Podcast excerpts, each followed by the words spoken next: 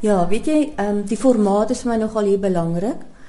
Uh ek noem hulle love songs, die hele reeks, mm -hmm. maar die hele uitstalling is ook ehm um, in the eye of the beholder. So dit dit skakel baie mooi in.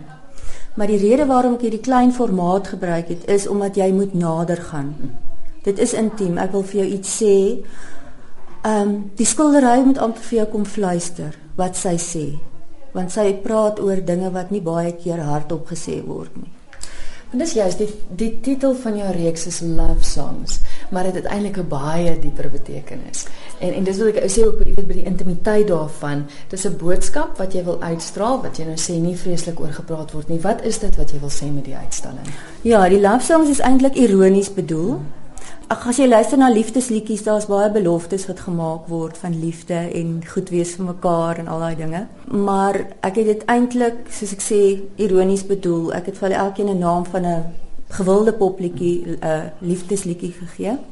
Maar eintlik wou ek gehad het mense moet self hulle eie voortrekking maak. Ek het agtergekom uh veral vroue wat dieselfde ervarings is, erken makliker wat ek probeer sê.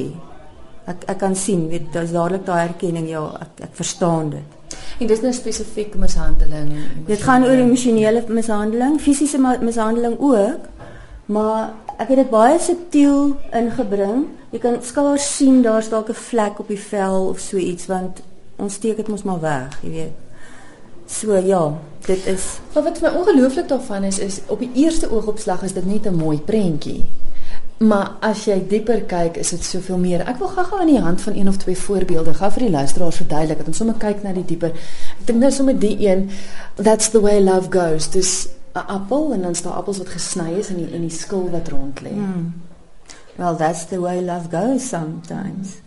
Ehm, um, ek die appel is 'n simbool vir die vrou, van 'n vrou, dit simboliseer die vrou. Want dit is ook hoekom jy eintlik die appel deurgangs Dis reg, ja. ja. Ek gebruik dit deurgangs as die simbool van 'n vrou, die vrou. En in hierdie spesifieke ene kan jy sien, jy weet daar word geskil en gekap en ge ehm um, uh gebruik aan die appel.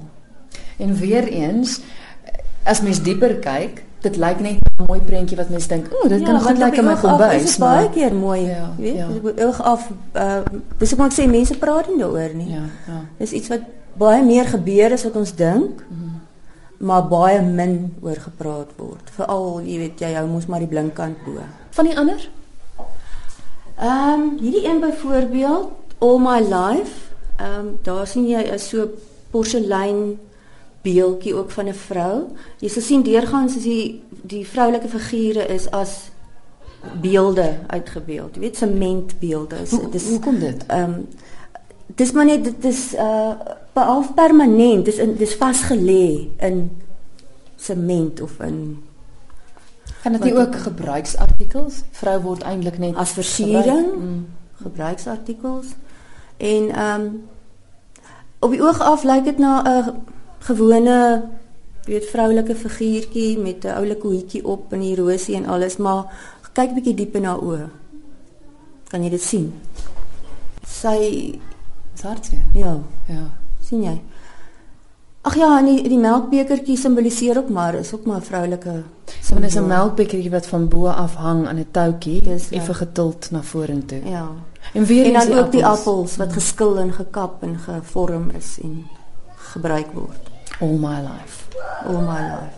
Dis so 'n interessante een wat weer eens Ek dink miskien as dit omdat dit die appels is. Ek sien daar ja. kom bys op so. Maar hierdie is 3 baie ja. mooi appels op 'n ongelooflike mooi lap kom by skildery. Ja. A day without rain. Ja.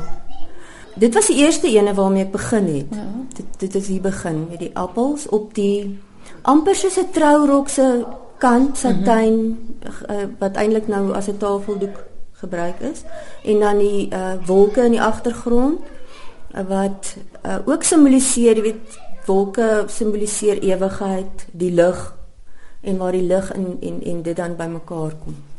So gelooflik weer eens wat jy sê dit dwing mense om dieper te kyk want mens moet uit die aard van die saak naby gaan. Maar elkeen kan sy eie storie eintlik opmaak en daarin lees ja. afhangend van van ek dink wat wat jou emosies en dinge is wat jy beleef. Maar maar soos jy sê vrouens herken dit ja. dadelik. Ja. It, it is in the eye of the beholder. Mm. Jy sal iets daarin sien. As jy uit daai ervaring het, sal jy dit sien. As jy dit nie het nie, gaan dit vir jou 'n mooi skilderytjie bly. Mm. Kom ons gesels gou oor die medium. Waar waar werk jy? Meestal in olie. Olieverf is maar my eerste liefde. Ek kan as jy eers in olieverf verwerk, dan werk jy moeilik in iets anders. Ja. Omdat dit so lekker ehm um, buigbaar kan ek amper sê is dit word nie gou droog nie, so jy kan weer 'n bietjie werk daaraan.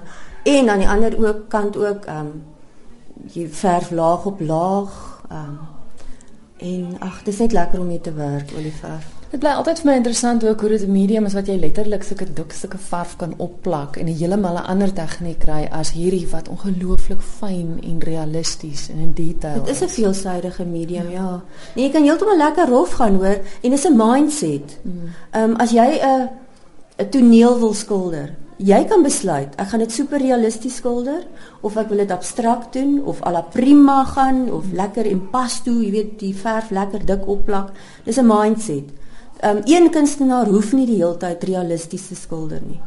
Weet ek ek besluit partykeer nee, hierdie blomme gaan ek lekker weet die verf gooi en ek wou nou net vir jou vra want is hierdie die styl waarna jy gewoonlik werk of is dit jy spesifiek vir hierdie hierdie reeks ge, geskep of of Ek werk baie keer so realisties. Vir hierdie reeks wou ek dit so uitbeeld dat mense dit fyn weet dan met daai fyn detail En soos ek net nou gesê het, gaan nader en gaan kyk. Mm. Wat wil sy sê? Hoe lank is jy al kunstenaar? Ek het begin voltyds skilder in die jaar die begin van die jaar 2000. En ek verneem jy gee 'n klas ook van van toe af, né? Ja, ek gee klas vir volwasse beginners. Ek begin heel by die begin. Uh, wat lekker is vir my is ek laat hulle 'n tekening doen met die eerste les, 'n selfportret waarin hulle spieël kyk en hulle self teken. En dan doen ek 'n tekenkursus van so 12 lesse mhm. -huh. en dan teken hulle self weer deur in die spieël te kyk. Daai eerste tekening bær ek in 'n koevert. Daar staan konfidensieel op. en dan na daai 12de les waar hulle hulle self weer teken, dan haal ek daai eerste tekeninge uit en ons sit dit langs mekaar. En weet jy, dit is altyd die grootste pret om te sien of eintlik die grootste ehm um, wie dan kan jy sien wat het iemand net deur kennis. Ja. Mens kan nie dink is dieselfde persoon nie. Ehm um, die verskil tussen die tekeninge, ja. Jy sê dis nou een van die eerste reekse wat jy doen en waar jy eintlik pertinent 'n dieper tekenis daarin gesit het. Ja. Eh, dink jy dink jy dis iets wat jy nou gogga wat jy gebyt het? Ja, ek wil nou regtig bietjie meer sê met my werk. Hmm. Nou is so baie om te sê. Alhoewel met hierdie hierdie onderwerp het ek nou vir myself afgehandel. Dis hoekom ek dit nou kon doen. Hmm.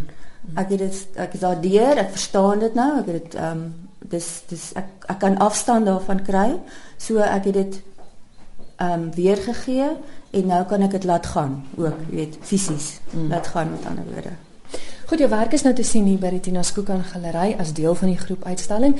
Ander ouens wat jou graag sou wou kontak, miskien dalk vir kunsklasse of so, het jy kontakbesonderhede? Ek het is 072 260 9656 is my selfoonnommer en uh, e-pos is mahesterv.rensburg@gmail.com. En jy's daar van Heidelberg. Van Heidelberg Gauteng.